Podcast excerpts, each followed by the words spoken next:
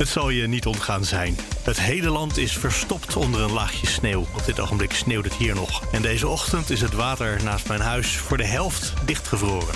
In Noord-Holland, Friesland en Groningen blijft het nog de hele middag code rood. Dit zijn drukke dagen voor de wegenwacht. Thuiswonende ouderen die niet naar een priklocatie kunnen komen, worden voorlopig ook niet gevaccineerd. En we hadden al niet te weinig milieukeurmerken. Toch heeft Albert Heijn een hele nieuwe serie opgezet. Met interessante eigenschappen. Dit is Nieuwsroom, de dagelijkse podcast van het Financiële Dagblad en BNR Nieuwsradio. Met het nieuws verteld door de journalisten zelf. Ik ben Mark Beekhuis en het is vandaag maandag 8 februari. Als jouw recorder ook loopt. Ik loop ook. Wacht even, ik zet even mijn eh, knipperlichten uit. Want anders dan hoor je de hele, hele, het hele gesprek lang tik, tik, tik, tik. Ja, precies. Zo, hè, hè. Pff, koud. Martijn de Rijk van BNR. Ja, Ja, dit is natuurlijk het, eh, het nieuws van de dag, het gesprek van de dag, maar eigenlijk ook al een paar dagen. Het gaat dus eindelijk niet over corona. Het gaat er gewoon om dat het buiten koud is en sneeuwt en glad is. Ja, dan zeg jij dat gaat niet over corona. En Ah, dat gaat ook over precies corona. dat zei ik tegen de meneer die ik zojuist, eh, eh, nou ja, die zojuist door de ANWB weer op weg geholpen werd. Eh, maar die bleek voor de deur van een ziekenhuis te staan waar hij op het IC werkte. Dus toen ging het toch alsnog een beetje om corona. Corona zit overal alleen op dat moment had hij een, een vastgevroren handrem. en hij wilde toch wel graag naar huis, uiteindelijk, na een lange dienst. Ja.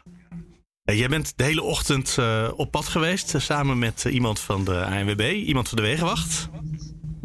Dat is eh, nog best spannend, denk ik, met eh, het weer wat we nu hebben. Want dat betekent dat jij wel, eh, kijk, de opdracht met code rood is: blijf zoveel mogelijk thuis. Nee, blijf thuis als je niet absoluut naar buiten moet.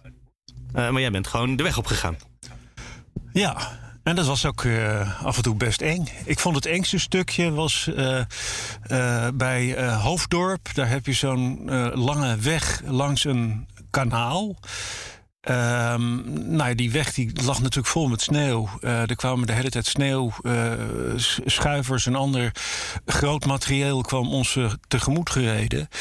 Eh, aan de rechterkant een rij, eh, rij bomen. En daarachter die diepe, donkere, zwarte gracht die nog niet eh, was dichtgevroren. En ik vond het eigenlijk best eng, ja. Ja. En ja, en even goed om te zeggen: jij zat niet in de auto van de Wegenwachter, hè? Nee, Toch nee, ook dat weer kan corona? niet. Want ja, corona dus. Eh, ik reed er gewoon netjes achteraan. Dus ik eh, heb vandaag, eh, zeg maar, voor het, het rijden nauwelijks hersencellen nodig gehad. Eh, ik kon gewoon achter hem aankachelen, achter de gele bus. Alleen het op de weg blijven, dat was dan weer wel helemaal spannend, voortdurend. Ja, en ik denk zo'n wegenwachter, dat is iemand die heel veel op de weg zit. Dus die zal sneeuw of niet toch wel lekker doorrijden. Ja, nou, die houdt wel rekening met eh, de omstandigheden hoor. En die weet natuurlijk dat ik. eh, eh, Ja, jij moest er achteraan rijden. bij moet kunnen houden. Ja. Wat voor dingen kwam je tegen? Eh, nou ja, grappig genoeg, eh, je, eh, wat je de hele tijd hoort, hè, als het dan gaat om wat voor winterellende kan je met je auto hebben. Ja, de accu kan leeg zijn, maar het heeft wel zes auto's geduurd voordat we eindelijk een auto vonden die een kapotte, dan wel lege accu had vanwege de kou. Allerlei andere problemen van. Eh, er was één auto, daar kwam een grote zwarte rookwolk uit. En die bleek eh, eh, de olie eh, te verbranden. Eh, hoe dat precies technisch in elkaar zit, weet ik niet. Nee. Eh, dat was ook geen eh, probleempje wat even ter plekke opgelost eh, kon worden. Die meneer die, eh, is uiteindelijk eh, gewoon weer naar huis gegaan. Ehm, en eh, de auto die is eh, door een eh, berger opgehaald. Want ja, je kunt van alles regelen hoor. aan, de, aan de rand van de weg. In die bus van de ANWB daar zit echt ontzettend veel. van pneumatische eh dops zetten. Dat je even, even een wieltje eraf haalt. Ja. Drrrt, weet je wel, zo'n ding. Mhm. Eh, tot een, ki- een, echt een soort mega krik. En, en nou ja, echt, het ding zit helemaal tot de nok gevuld met, eh, met gereedschap. Maar er zijn grenzen aan wat je dan uh, voor elkaar kunt krijgen. Ja, je gaat niet even een motorblok openschroeven natuurlijk. Uh, nee, dat uh, bijvoorbeeld. Nee, dat was inderdaad iets wat op dat niveau zat. Nou, helaas. Kunnen we niet helpen. Nee, en zeker niet met dit rare weer natuurlijk. Want het is echt heel koud. snijdende wind. sneeuw die de hele tijd blijft dwarrelen. Dus ik weet niet hoe dat is waar jij nu bent. Maar dat is hier wel. Uh, ik heb mijn, uh, het paadje voor mijn huis inmiddels drie keer schoongebezemd uh, dat er een paadje is. het gaat helemaal ja. nergens over. Ik kan het net zo goed niet doen.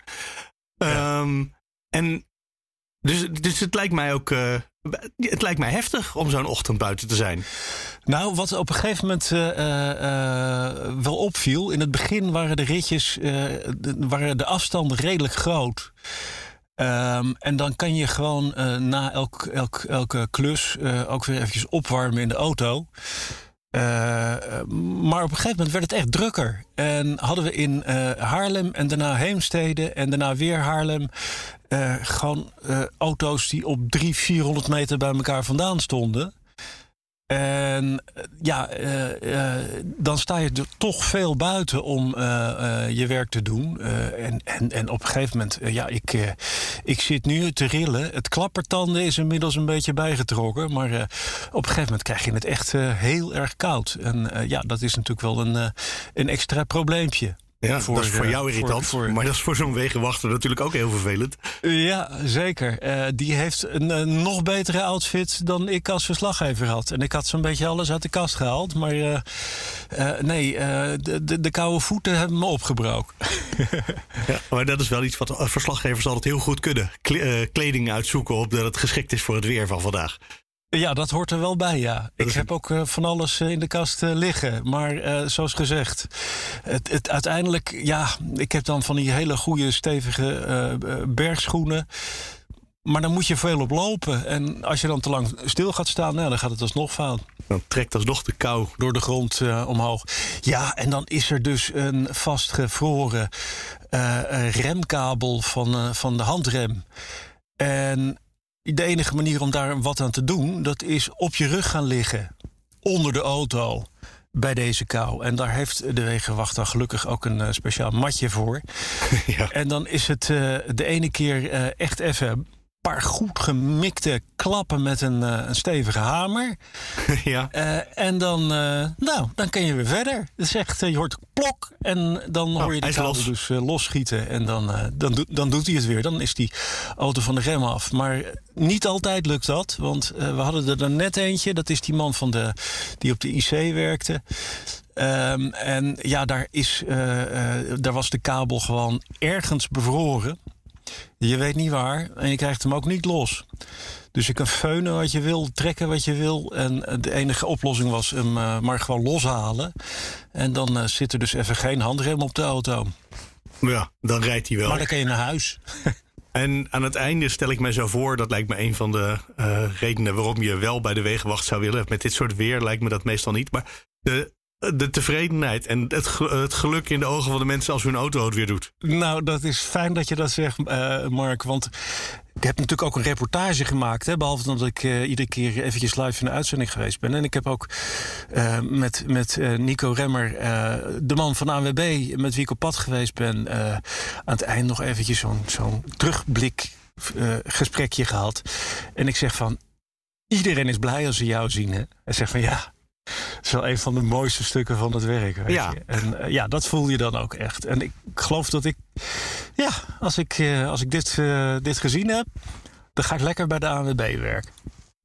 Ik snap alleen niks van auto's. ik denk niet dat dat, dat het meest verstandige keuze is. ja. Ik denk niet dat ze dan blij kijken. Dat is dan natuurlijk een beetje het punt. Ja, oké, goed. Hm, je zit nu geloof ik in je eigen auto, dus met de verwarming aan, denk ik. Ja, nou, nee, hij staat niet aan. Anders dan.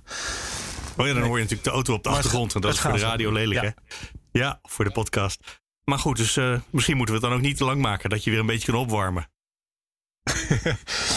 ja, en even, uh, even ergens een, een, een, kopje koffie en een, een broodje. Het lijkt me ook niet verkeerd. Dankjewel, Martijn. Graag gedaan, Mark. Hallo, Diederik de Groot. Goedemorgen, Mark. Van BNR Nieuwsradio.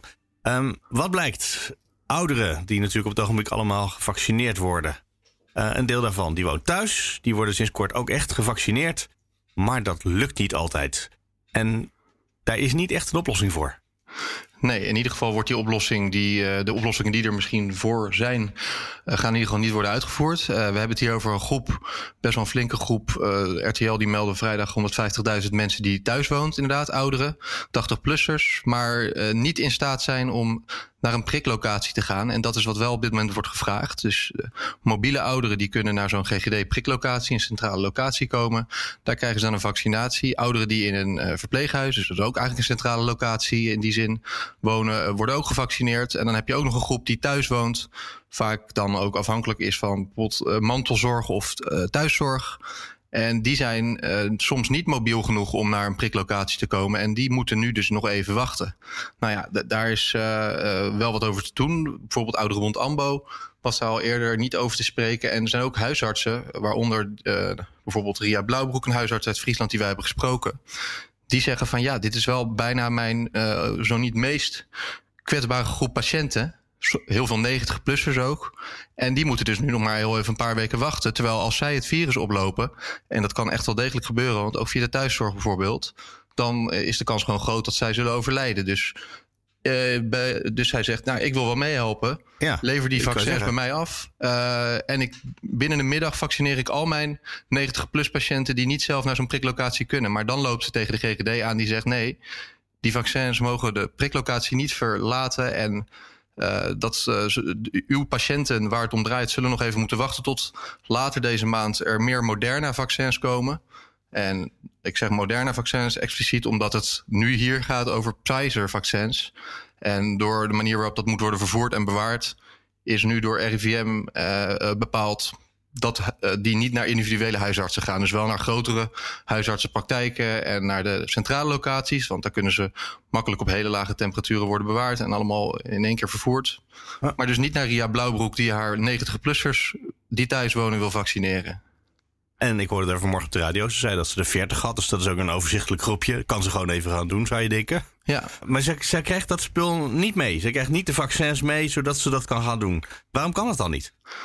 Nou ja, het heeft dan alles mee te maken met eh, de manier, inderdaad, wat ik al zei, waarop het Pfizer-vaccin moet worden bewaard.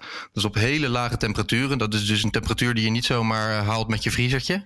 Nee, dat en, gaat op min 70. Maar je kan ja. het ontdooien, kan je nog vijf dagen bewaren. Dus binnen die vijf dagen kan je dan toch die 40 mensen wel langs. Nou, precies. Dus dat is ook inderdaad het argument wat er tegenin wordt gebracht door mensen die zeggen: kom op, wees nou een beetje flexibel.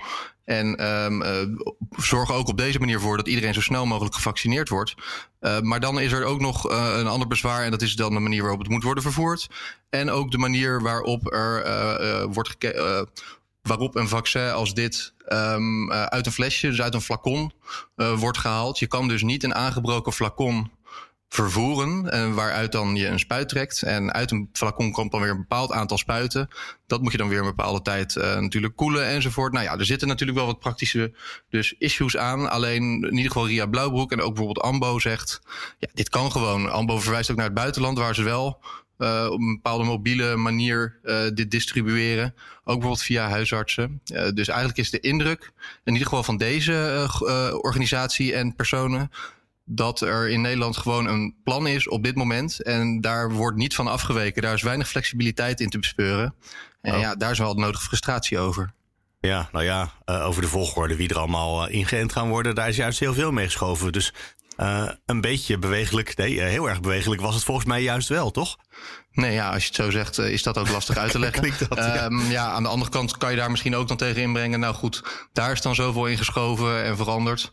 Nu is er een plan, laten we daar dan maar aan vasthouden. En in ieder geval dat plan goed uitvoeren. Want dat is ook nogal een, een, nou ja, een uitdaging. Je wil bijvoorbeeld niet eens uh, uh, erover nadenken wat er gebeurt als dat Moderna-vaccin, waarvan er dus heel veel doses in februari komen, als dat ook nog vertraging bijvoorbeeld op zou lopen. Ja, waarom zou dat niet kunnen? Want dat hebben we bij andere vaccins ook gezien.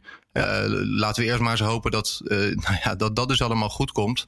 En daarmee, met die Moderna-vaccins, wat er dus ruim 100.000 zijn, zou deze groep waar we het over hebben dus moeten uh, kunnen worden ingeënt. En ja, bij het RIVM zeggen ze gewoon van nou, dat is gewoon hoe we het gaan doen. En we gaan niet uh, mee met initiatieven zoals die van Ria Blauwbroek, ja. hoe sympathiek ook, om huisartsen dan maar wat vaccins te bezorgen. Ja, ik zit te denken als je nou inderdaad, wat je net zegt, uit zo'n flesje een aantal, ik geloof dat er zes of zeven uh, injecties uit zo'n flesje komen. Uh, als je dat natuurlijk bij één arts geeft en die doet, uh, die doet acht of negen patiënten, dan heb je natuurlijk je tweede flesje net open en daarna gooi je heel veel weg.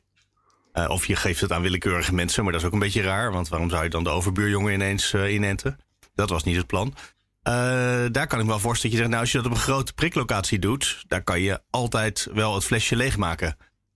Ja, nee, dat is ook wat het RIVM dan zal zeggen. En uh, nou ja, er zou natuurlijk ook wel weer omheen gewerkt kunnen worden in die zin dat als je een huisarts dit uitlegt, uh, als diegene het al niet zelf weet, dat dit uh, het praktische probleem is, kan je er natuurlijk ook wel een manier voor verzinnen om dat dan zo efficiënt mogelijk te doen, zodat je niks hoeft weg te gooien. Zeker als je in een dorp een aantal patiënten hebt wonen, die zitten toevallig dicht op elkaar. Nou ja, dan maak je gewoon een planning. En je trekt die, uh, dat flesje leeg en je kan alles achter elkaar vaccineren. Want ja, een, een vaccinatie bij iemand erin zetten, dat kost natuurlijk niet zoveel tijd. Dus uh, ook hier weer denk ik van ja, met een beetje passen en meten en wat flexibiliteit zou je dit, zoals ik het nu, dan nu begrijp, heus wel moeten kunnen doen. Maar goed, uh, ja. er zijn ook vast nog wel dingen die ik hier over het hoofd ja, zie. Die een huisarts over het hoofd zien. Ongetwijfeld. Um, maar mijn indruk blijft, ondanks dat ook bestaan. En dat is wat ik al zei, de AMBO verwijst ook naar het buitenland. Dat wij hier in Nederland toch wat minder makkelijk uh, snel van ons plan afwijken. Wat minder flexibel zijn uh, dan dat in andere landen zijn. En ja. Uh, nou ja, daar, daar zullen ook heus wel, daar is vast wel wat voor te zeggen. Want va vast en zeker ondervangen we daar ook wel eens een probleem mee. Maar in deze crisis zie je ook wel vaak dat die houding, die wat halstarrige houding, uh, nou ja, de boel ook kan vertragen. En ik denk dat dat bij de vaccinatiecampagne wel het meest zichtbaar is. En ja, er komt nu weer ongelooflijk hoeveelheid stuifsneeuw van mijn dak af. Uh, wat er echt heel mooi uitziet. Maar dat is ook nog wel iets wat misschien ja, wat niet in de plannen staat. Waar, wat, waar die ouderen die dan naar zo'n locatie moeten wel mee te maken krijgen. Dat die door de sneeuw de komende dagen naar zo'n locatie moeten. Ja. ja. Uh, dat is misschien nog wel een extra drempel. Waardoor misschien wel extra veel mensen zeggen: Nou, uh, ik heb wel een uitnodiging, maar vandaag even niet. Dat denk ik ook. En nou, dat is precies wat de AMBO ook zei. Die kennen hun achterban natuurlijk ook. En ja, zelfs ik sta al niet echt te springen om uh, naar buiten te gaan. Uh, nee, met, mijn, met, met, mijn 29 jaar. Dus ja, het veel te koud. Het is ook best wel glad. Laat staan dat een uh, 90-plusser, die al eigenlijk niet zo mobiel is, ehm, die, nou ja, niet alleen zou kunnen overlijden door corona, maar ook als hij gewoon uh, een flinke val maakt. Ja, dat, dat klinkt nu misschien heel erg uh, kort ja, door de bocht voor mij, maar het is wel, wel, gewoon zo. Ja. Um, dus het zijn allemaal risico's die er nu even bij komen.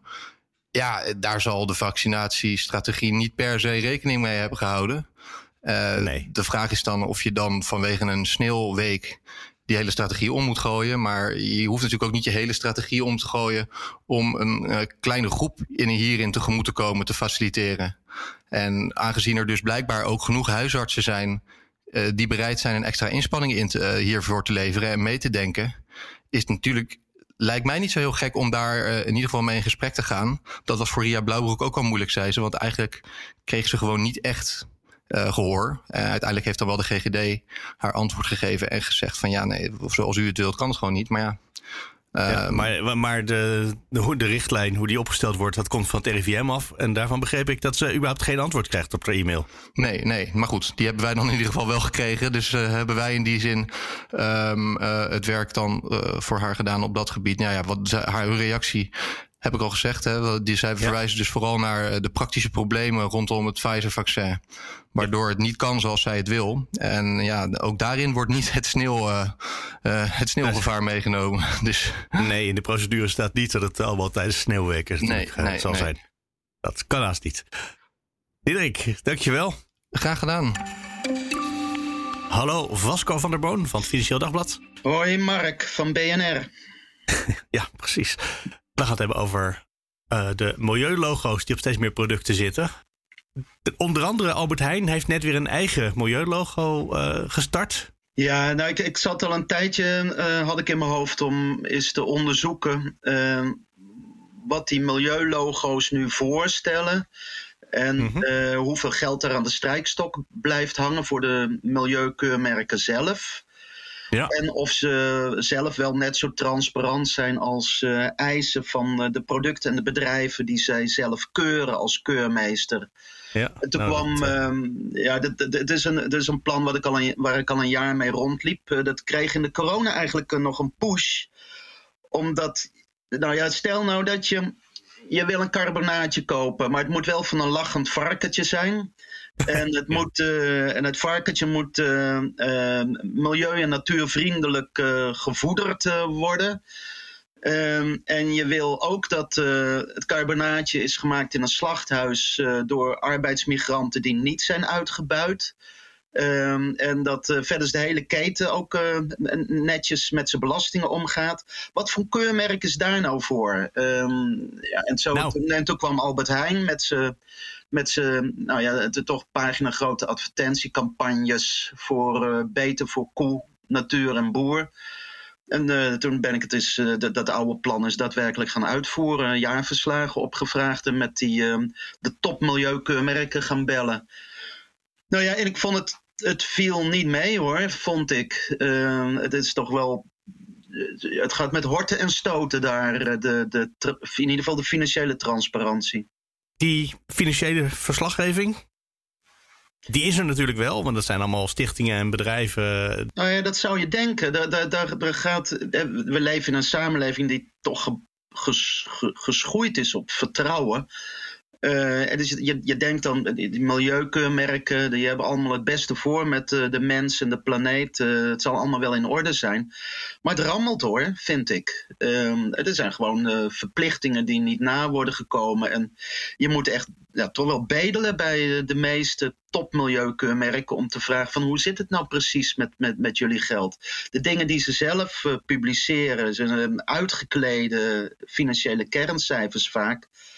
Uh, waarbij niet duidelijk is hoe rijk uh, die stichting uh, zelf is geworden van hun milieukeurmerk. En, nou goed, ja, je krijgt het uiteindelijk wel, maar je moet wel echt flink, flink zeuren en geduld hebben, wil je de, de, wil je de cijfers krijgen. Vind ik raar.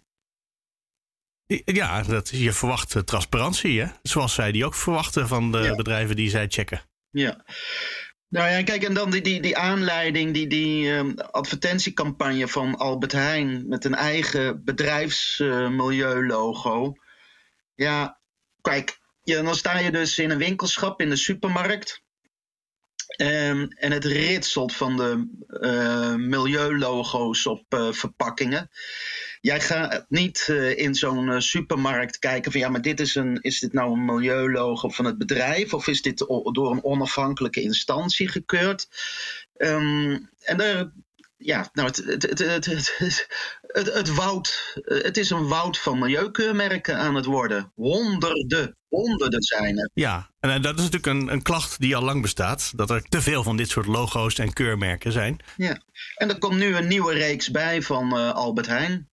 Maar het is er meer dan één. Hè? De, degene, de aanleiding om het er nu over te hebben is dat uh, keurmerk beter voor de koe, de natuur en de boer. Ja, en daar komt een hele serie van. Ja, en beter voor het varken en de natuur en de boer. En beter voor uh, ja, de bloemkool, de natuur en de uh, boer. um, het op zich, um, kijk, um, is het wel een, een, een, mooi initiatief hoor, van, van Albert Heijn. Het, het mooie vind ik dat ze dus het, het, is integraler, het is breder. Uh, ze nemen ook de boer mee. Uh, dus dat, uh, je zou kunnen zeggen dat er zit een soort reactie in op al die boerenprotesten die we anderhalf jaar geleden hadden.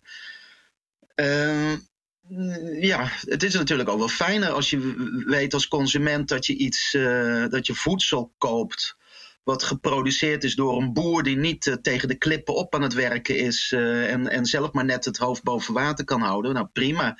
En dat ja, is, maar dat, dat vind ik toch heel vaag hoor. Want dan als de Albert Heijn belooft dat hè, zij kopen iets van een boer. Ja. En Albert Heijn zegt dan zelf, van zichzelf, over zichzelf, beter voor de koe, de natuur en de boer. Ja. Dan denk ik, ja, ja uh, als die boer dat gaat zeggen, geloof ik het. Ja, dat is ook een, een, kritiek van de bestaande milieukeurmerken. Hè? De, die, die zeggen, ja, dit is dit van Albert Heijn, dat is uh, een wc-eend uh, geintje. Wij van wc-eend adviseren wc-eend. Um, maar goed, Albert Heijn zegt bijvoorbeeld bij de melk: uh, hun bedrijfsmilieulogo beter voor uh, koe, natuur en boer. De boer krijgt 5 cent per liter extra. Nou, dat tikt wel aan hoor voor een boer. Dat is waarschijnlijk het verschil tussen eigenlijk net onder de prijs of misschien aan de prijs. Ja, en dus dat, nou, dat vind ik, dat, dat vind ik uh, een goed ding. Van dat ze ook dus het, het sociale criteria uh, meenemen. Uh, en dat vind ik wel een hiaat bij veel andere milieukeurmerken. Ja. Alleen kijken naar gaat het goed voor, met de, de biodiversiteit of, of alleen goed met de visstand. Ja, en dan stellen ze bovenwettelijke eisen voor milieu- en natuurbeleid van uh, de voedselproducenten en, en, en het voedselproduct.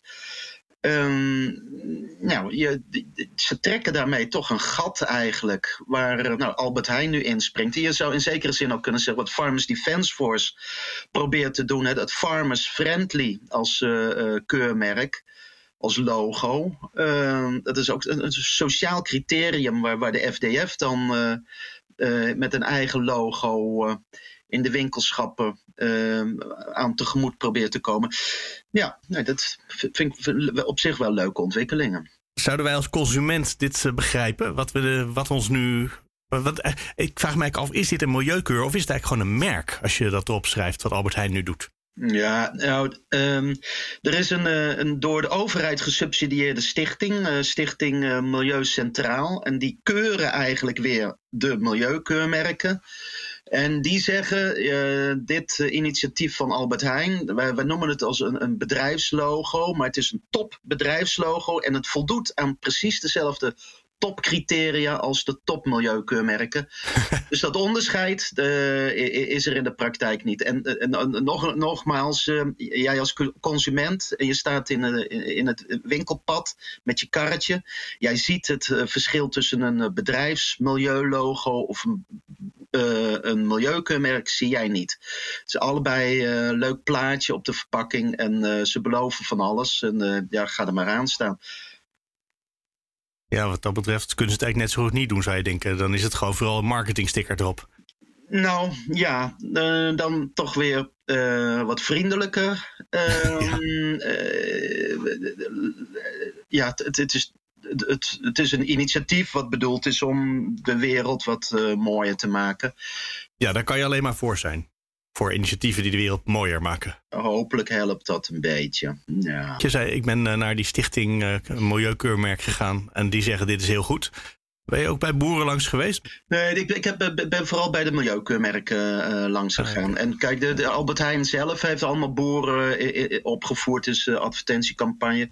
Ja, om die boeren dan weer te bellen en te vragen of het klopt wat, uh, hoe vrolijk en tevreden ze zijn in die advertenties. Vond ik ook weer wat. En ik had hier al, dit, dit was alweer een hoop werk hoor, om te doen. Dit, ja, en dat lees je ook terug in het artikel. In hoeveel gedoe het is om per stichting gewoon de cijfers te krijgen waar je ja. eigenlijk inzage in zou moeten kunnen krijgen zonder al te veel problemen. Ja, dat, moet ja. gewoon, uh, dat moeten ze gewoon bij de Kamer van Koophandel deponeren. Gewoon uh, normale jaarrekeningen. En uh, gewoon op hun website een jaarrekening publiceren. Vasco van der Boom, dankjewel. Alsjeblieft. Dat was hem voor vandaag. Misschien wil je reageren. Dat kan altijd. Mail naar nieuwsroom.fd.nl of nieuwsroom.bnr.nl. De show notes, als je meer wil weten over de onderwerpen waar we het nu over gehad hebben. De show notes vind je op bnr.nl slash nieuwsroom. Morgen zijn we er weer. Graag tot dan.